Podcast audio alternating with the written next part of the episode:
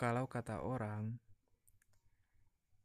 ada episode-episode terindah dalam hidup kita yang hanya terlewat sekali dan gak akan terulang lagi. Mereka menyebut itu masa sekolah, tepatnya masa-masa SMA.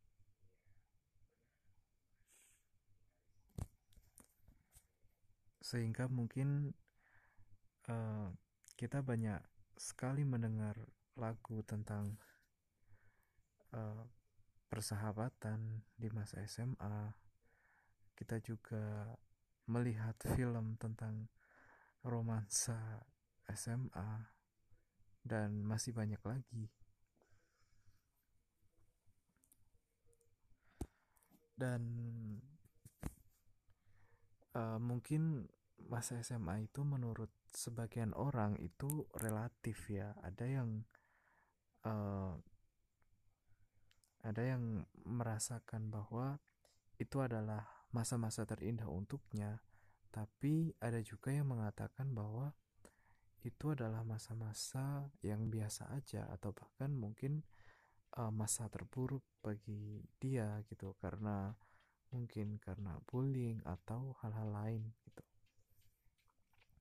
Namun uh, sebagian besar itu mengatakan kalau masa SMA itu masa-masa yang paling indah gitu. Karena itu kan masa SMA itu juga merupakan transisi gitu. Di mana uh, kita yang sebagai remaja akhir itu mulai beranjak dewasa awal gitu. Dan uh, di masa SMA ini pun kalau menurut aku pribadi itu persahabatannya lebih erat sih. Pada saat itu lebih solid dibandingkan ketika kita kuliah gitu. Karena ketika kita sudah kuliah itu akan menjadi individual gitu. Ya mungkin kita memang ada sahabat dalam sirkel kita. Cuman itu hanya bisa dihitung jari gitu. Paling cuma 2-3 orang. Berbeda ketika di masa SMA itu uh, terlebih ketika kita satu satu kelas itu ya sama orang-orang itu terus gitu selama tiga tahun. Nah itu uh, menurut aku lebih rengkat sih lebih erat persahabatannya gitu uh, oke okay, dan um, sebenarnya karena uh, kangen juga sih sama masa-masa itu gitu. Jadi um, hari ini malam ini ya uh, aku cuman pengen nostalgia masa SMA masa-masa SMA aku sih. Jadi um, diawali tahun 2014 itu uh, pertama kalinya uh, aku menginjakan kaki sebagai siswa SMA dan di situ kebetulan setelah mos ya setelah mos itu um, itu masuk ke kelas 10 A4 gitu. Dan kelasnya ini itu uh, letaknya itu sebenarnya strategis ya. Itu dekat sama kolam sama air mancur. Terus deket juga sama masjid. Terus di sampingnya itu dulunya aula. Terus deket sama lapangan tenis. Terus deket juga di depannya itu ada ruang BK gitu. Uh, dan itu merupakan kelas 10 IPA yang uh, bisa dikatakan terpencil ya karena yang lainnya itu beda deretan gitu. Dan di kelas 10 ini uh, kebetulan juga bertemu dengan banyak orang gitu. Dengan mereka-mereka yang ya bisa dikatakan uh, sedang mencari jati diri gitu. Terlebih uh, mereka juga sangat solid di kelas 10 ini tuh uh, kebetulan waktu itu tahun kedua diadakannya kurikulum 2013 mungkin uh, sebagian ada yang uh, merasa bahwa kurikulum 2013 saat itu uh, kurikulum yang apa ya menuntut siswanya untuk lebih aktif kemudian banyak sekali tugas terus materinya juga apa ya dipencar-pencar gitu. Pokoknya uh, mungkin banyak yang merasa keberatan gitu. Dan uh, untungnya teman-teman di kelas 10 ini tuh mereka sangat solid sih. Walaupun uh, baru beradaptasi atau baru saling mengenal gitu. Tapi ya seperti anak SMA pada umumnya gitu. Sangat solid.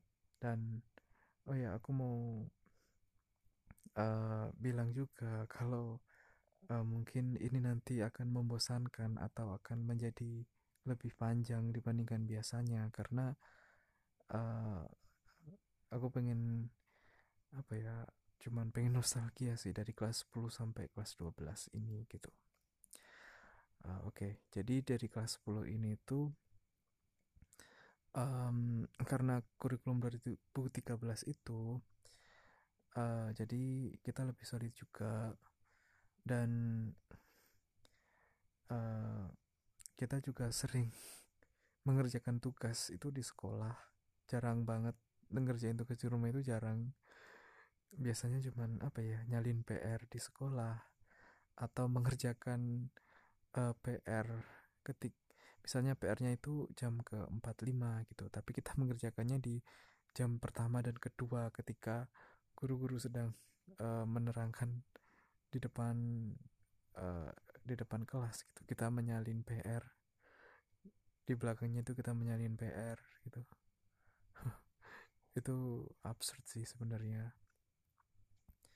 di kelas 10 ini juga itu dulu banyak sekali tugas itu ya tugas video tugas-tugas video untuk uh, bikin video bahasa Inggris gitu untuk uh, promo wisata atau untuk drama bahasa Inggris lah itu sampai-sampai ya itu jadinya kita berkelompok berkelompok gitu terus uh, saling mengunjungi tempat wisata wisata yang uh, sekaligus bisa dijadikan kenangan juga sebenarnya. Uh, terus juga kita juga nge apa itu ada satu uh, momen di mana kita harus ngecat ngecat apa ya ngecat itu namanya apa sih? Hmm, ngecat bukan ngecat fast ya tapi ngecat kayak uh, landasan buat um, buat penyangga itu. Jadi dihias-hias dan ya setiap habis olahraga kita ngecat gitu. Bagus sih. Kelas 10 ini juga dulu tahun 2014 itu uh, apa ya uh, itu lebih ke apa ya lebih waktu itu BBM itu benar-benar sangat booming sih. Dulu belum ada WhatsApp jadi uh, setiap setiap ada apa pasti update-nya di BBM gitu. Kita juga punya grup di Facebook dan sekarang itu masih ada gitu. Bahkan uh, aku juga sering lihat-lihat gitu kalau lagi kabut biasanya lihat di grup gitu dan itu misalnya cuman tanya PR atau apa itu sampai komentarnya itu sampai banyak banget gitu. Dan ya itu untungnya itu masih ada gitu dan gak kehapus gitu. Nah oh ya kelas 10 itu karena banyak sekali yang pakai BBM jadi kayak invite invitan pin BB karena dulu bisa pakai BBM itu kayak keren gitu. Kalau sekarang kan udah nggak ada. Um, terus juga apa ya mungkin karena uh, karena pengen sama-sama terus gitu. Jadi kayak setiap ada hal apa gitu kadang terus foto-foto terus gitu. Ya ya seperti itulah gitu. Lalu uh, naik di kelas 11 naik kelas 11 ini sebagian oh ya jadi di kelas 10 itu kan ada 38 siswa. Nah pas kelas 11 ini tuh yang 8 itu pindah uh, terpaksa pindah ke IPA 5 gitu karena diajak lagi gitu. Tapi di kelas 11 ini jadinya ada 30 siswa. Kita masuk kelas 11 IPA 4 di kelas 11 ini uh, pastinya lebih berwarna ya kehidupan SMA-nya gitu. Dimulai saat itu uh, penerapan lima hari kerja gitu. Jadi dari awalnya di kelas 10 kita kan pulangnya jam 2 di hari Senin sampai Sabtu. Nah pas kelas 11 ini kita cuma lima hari kerja Senin sampai Jumat tapi pulangnya jam 5 dan ditambah hari Sabtu itu masih ada ekstrakurikuler gitu. Jadi uh, lebih apa ya uh, secara waktu lebih membosankan. Tapi lebih banyak bertemu karena uh, jadi sering ketemu kan itu hampir setiap hari. Dan dari pagi sampai sore sampai hampir jam 5 jam 4an gitu. Uh, banyak sih kisah-kisah cinta di kelas gitu. Um, yang mungkin gak aku bahas ya yang ini gitu. Itu biarkan menjadi rahasianya masing-masing. Namun di kelas 11 ini oke okay, itu diawali uh, jadi ada basar momen basar ini uh, momen yang benar-benar seru sih karena kita jualan di saat HUT sekolahan kita jualan dan jualannya itu macam-macam ya ada martabak ada um, kita juga bawa ular salah satu ular dari teman kita. Uh, jadi yang mau kon apa mau foto harus um, bayar dulu gitu seikhlasnya foto sama ular itu maksudnya uh, ya dari persiapan dari meng, apa ya uh, membersihkan kelas juga gitu. Terus kita juga mencat ulang kelas kita. Jadi yang awalnya warnanya coklat itu kita ubah jadi warna biru. Dan itu uh, sempat apa ya sempat sejuk menjadi sesuatu yang sejuk sih gitu di bazar ini. Terus ya ya momen-momen sweet seventeen gitu karena kan di us uh, kelas 11 ini itu banyak yang uh, berumur 17 tahun gitu dan uh, di umur 17 tahun ini banyak dari uh, dari kita yang ada yang ngasih surprise, ada yang uh, ngerjain dari pagi sampai sore hingga berujung surprise. Terus uh, banyak sekali kue-kue ulang tahun yang nggak tahu itu rencana siapa. Tapi kebanyakan yang cewek sih, mereka janjian atau apa ya setiap Sweet Seventeen pasti selalu dirayain gitu. Dan ya udah gitu. Uh, cuma nambah rame aja sih gitu. Terus di kelas 11 ini oh ya mulai dari pelajarannya ya. Uh, yang pertama itu matematika. Jadi dulu juga ada guru baru uh, dan ya belajar matematika cukup menegangkan sih sebenarnya. Sebenarnya nggak cuma matematika ya semua pelajaran eksak menurutku itu menegakkan semua entah matematika, fisika atau kimia itu agak ya beda jauh lah sama di SMP dulu. Kalau SMP itu kita masih hafalan di SMA itu mainnya logika tapi ya untungnya masih bisa survive sih.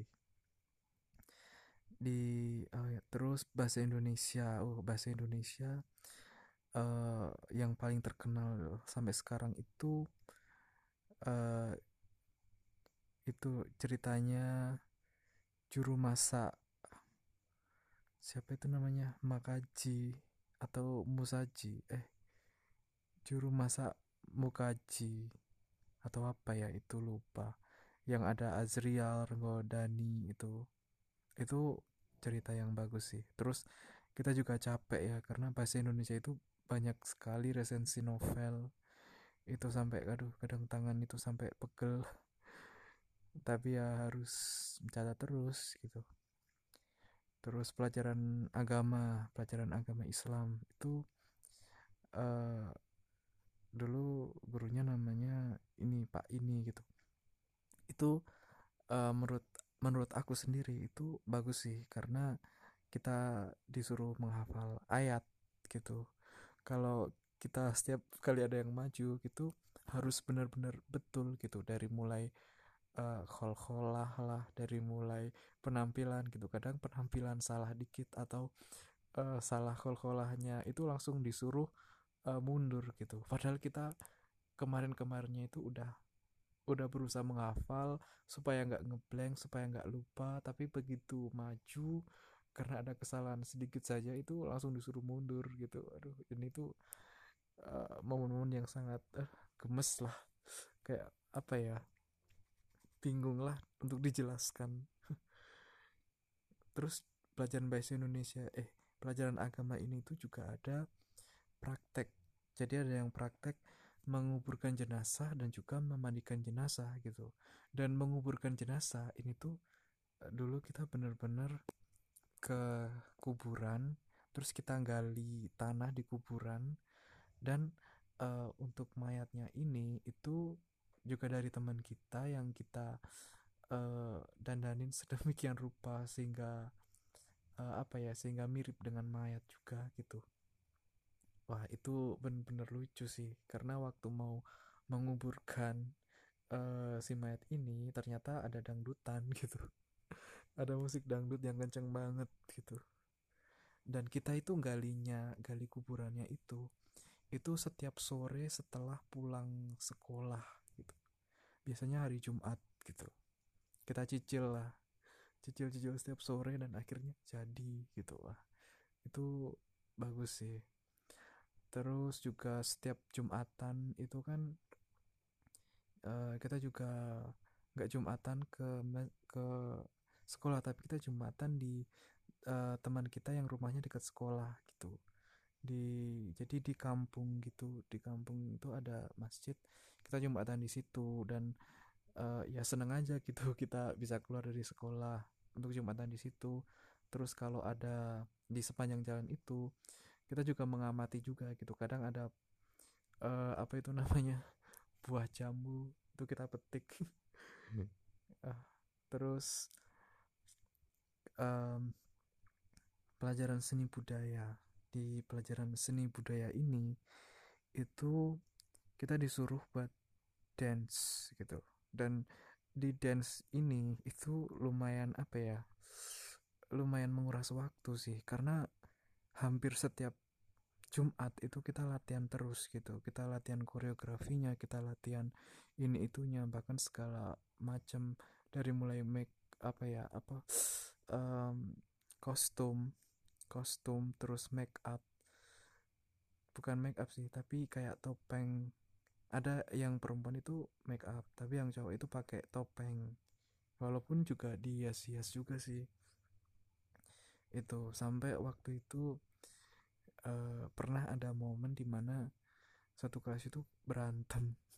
Bukan satu kelas ya tapi banyak berantem karena ya masalah itu gitu. Dan uh, itu diselesaikan ketika hari Jumat uh, pas latihan dance gitu. Jadi ya mungkin ya biasalah ya. Jadi diselesaikan pas hari Jumat setelah latihan dance itu uh, diselesaikan saat itu juga. Dan itu apa ya momen terharu sih dari masa SMA gitu. Karena di situ akhirnya kita saling memaafkan terus saling berpelukan. Bahkan sebenarnya ada sih videonya cuman durasinya dikit banget. Dan ada yang nangis-nangis juga gitu. Dan kita uh, tahu indahnya apa ya memaafkan gitu. Terus hmm, di dan uh, pasti sangat mer, sangat amat merindukan uh, ibu kantin ya karena harganya itu murah meriah. Terus ya soto cuman 2000 es teh cuman berapa ya 1500 atau 1000 ya. Terus gorengan cuma 500 dan ah pokoknya setelah olahraga terus makan soto yang masih anget sama sama gorengan itu wah itu apa ya eh, itu udah enak banget gitu. Oh ya dan di kelas 11 ini itu karena pulang sore jam 5 itu banyak yang bawa bekal juga gitu dan kayak udah nggak malu gitu.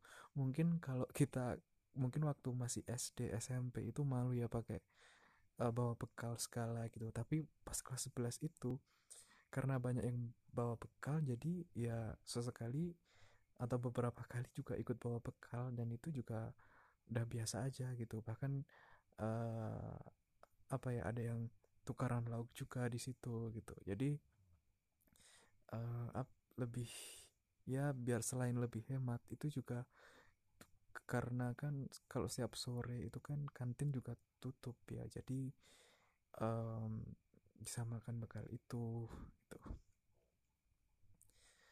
um, terus apalagi ya momen kelas 11 kalau Pokja enggak ya kelas 11 itu uh, di mana kita juga uh, pertama kalinya menjadi petugas upacara di SMA gitu. Itu pas kelas 11 gitu terus kita, kemudian kita latihan upacara terus renang.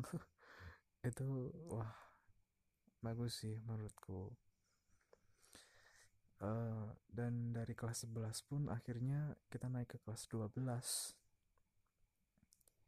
dan di kelas 12 ini tuh um, apa ya memang sangat cepat ya cuman ya begitulah di kelas 12 ini uh, di kelas 12 ini itu waktu memang benar-benar cepet banget gitu.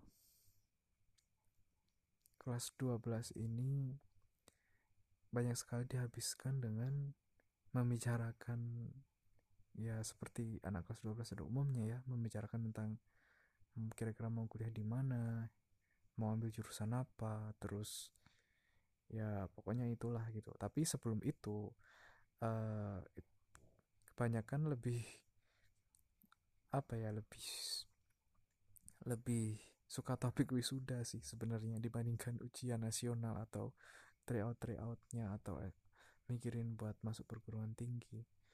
Karena uh, bisa dilihat dari anak-anak cewek itu um, mereka kompak gak tahu ya kenapa mereka kompak pakai apa itu namanya kebayanya warna hijau gitu. Terus uh, kita juga bahas tentang uh, buku tahunan gitu. Buku tahunan yang mana itu harus satu kelas kita mau nentuin di mana nih kira-kira gitu. Dan kita ke pabrik gondang. Dan ya kita foto di situ pakai dress code hitam putih klasik lah ya. Itu hmm, bagus sih. Dan dari yang awalnya pakai hanya pakai seragam putih abu-abu terus kita pakai seragam putih hitam.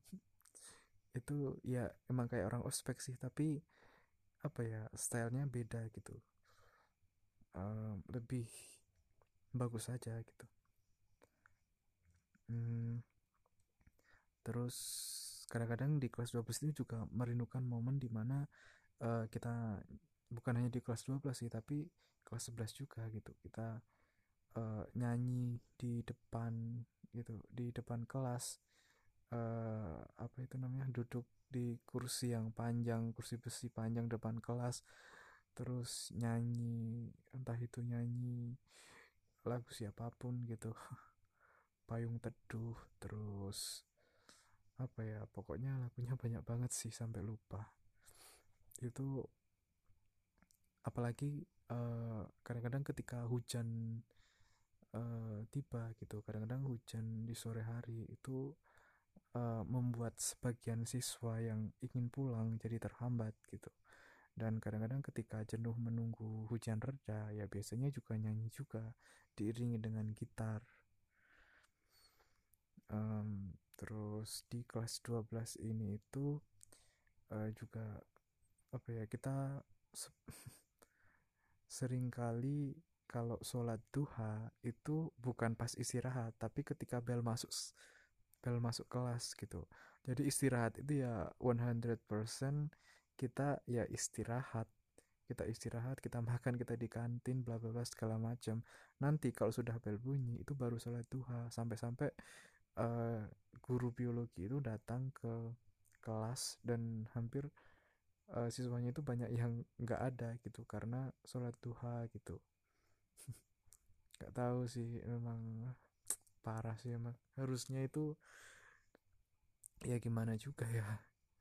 Terus uh, itu kadang kan waktu semester 5 itu kan nggak libur ya kayaknya. Dan itu kita uh, ke sekolahan karena ada tambahan tutor tambahan buat apa itu namanya buat ujian nasional atau apa itu itu banyak yang cuma pakai sandal nggak pakai sepatu.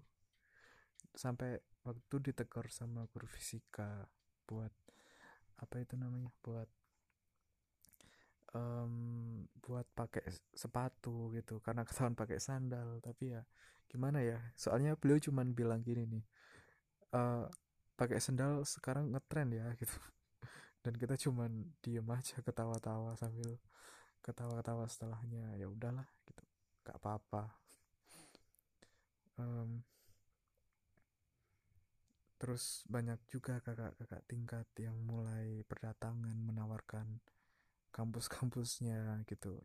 Cuman ya banyak juga yang kita tinggal ke kantin karena ya seperti biasa gitu makanan dari ibu kantin itu lebih menggoda dibandingkan apa pun. Walaupun sebenarnya juga waktu itu juga pasti ya banyak yang kepikiran juga ya kira-kira mau kuliah di mana bisa nggak ya di kampus ini dan sebagainya gitu. Dan kelas 12 pun akhirnya terlampaui akhirnya terlalui gitu dan hari-hari di mana kita nggak menyangka karena um, setelah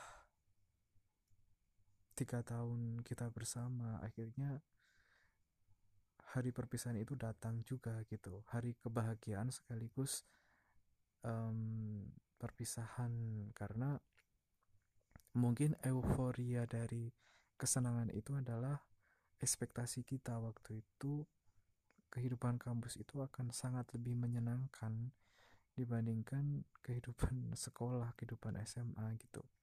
Di mana kita waktu itu mengira bahwa menjadi mahasiswa itu adalah sesuatu yang keren dan prestis gitu. Padahal kalau dipikir-pikir justru jauh lebih menyenangkan pas SMA gitu. Dan semua itu ya makanya dari itu kita harus menikmati yang namanya proses gitu. Karena uh, mungkin kita nggak tahu uh, di depan sana itu seperti apa gitu. Kita cuma bisa membayangkan dan memprediksi tapi untuk kejadian nyatanya itu hanya waktu yang bisa membuktikan itu gitu. Dan um, dan di saat perpisahan itu gitu. Uh, wisuda itu akhirnya ya semua berkumpul sih berfoto bersama gitu. Dan ya setelah uh, setelah kita lulus kemudian kita melanjutkan cita-cita kita masing-masing ada yang uh, ini ada yang itu gitu. Uh, dan kita pun cuman bisa kumpul atau bertemu itu pun gak full ya pas momen-momen ketika uh, ketika buk uh, bulan Ramadan gitu ketika buka puasa atau uh, ketika mendekati Lebaran itu kita mungkin masih bisa kumpul. Cuman ya nggak semuanya. Mungkin cuma 8-7 orang aja gitu. Um, dan di grup pun grup WhatsApp pun juga nggak pernah nggak pernah apa ya ada uh, jarang sekali ada cat-catan yang masuk gitu karena mungkin memang uh, kita semua memprioritaskan atau nggak tahu apa yang harus dibahas gitu. Tapi ketika kumpul itu ya pada akhirnya semua akan uh, menjadi seperti dulu lagi gitu. Kayak semua uh, kondisi ketika masih SMA itu kayak terulang lagi gitu. Dan uh, kebetulan uh, belum lama belum lama ini juga kumpul gitu. Dan itu lumayan banyak yang datang sih 11 orang gitu.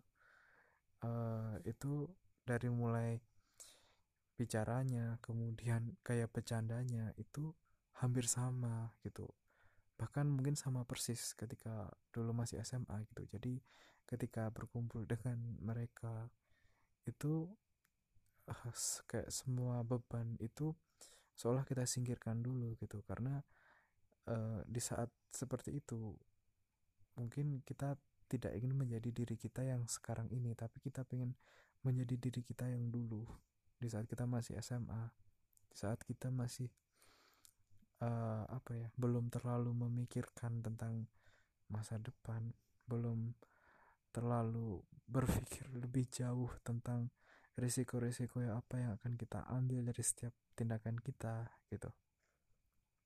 Dan kebetulan itu adalah uh, tahun keempat di mana kita lulus gitu atau tahun keempat kita kuliah gitu. Jadi ada beberapa yang memang uh, sudah lulus ada beberapa yang masih skripsi ada juga yang sudah bekerja lebih dulu gitu. Dan um, apa ya itu kadang-kadang itu aku berpikir bahwa um, ketika uh, ketika bisa kumpul itu ya cuman ketika masih mahasiswa gitu yang berpeluang banyak ya. Karena kan otomatis ketika liburan itu kan banyak juga yang libur gitu. Namun ketika uh, di tahun kelima, keenam dan seterusnya di saat kita mungkin semuanya sudah lulus itu akan sangat jarang sekali gitu.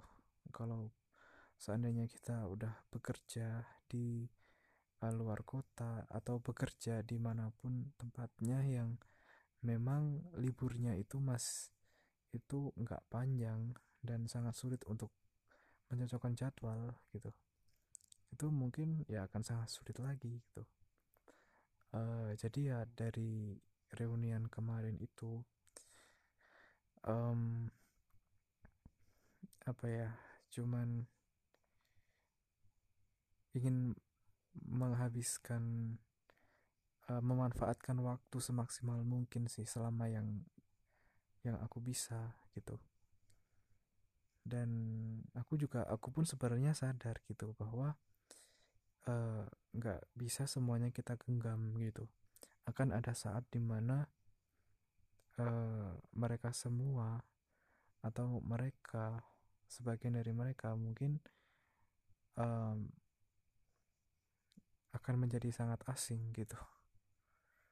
Karena seperti kehidupan itu dinamis um, siapa uh, kita akan terus maju gitu dan uh, kita akan meninggalkan orang baru dan menemukan orang yang baru gitu.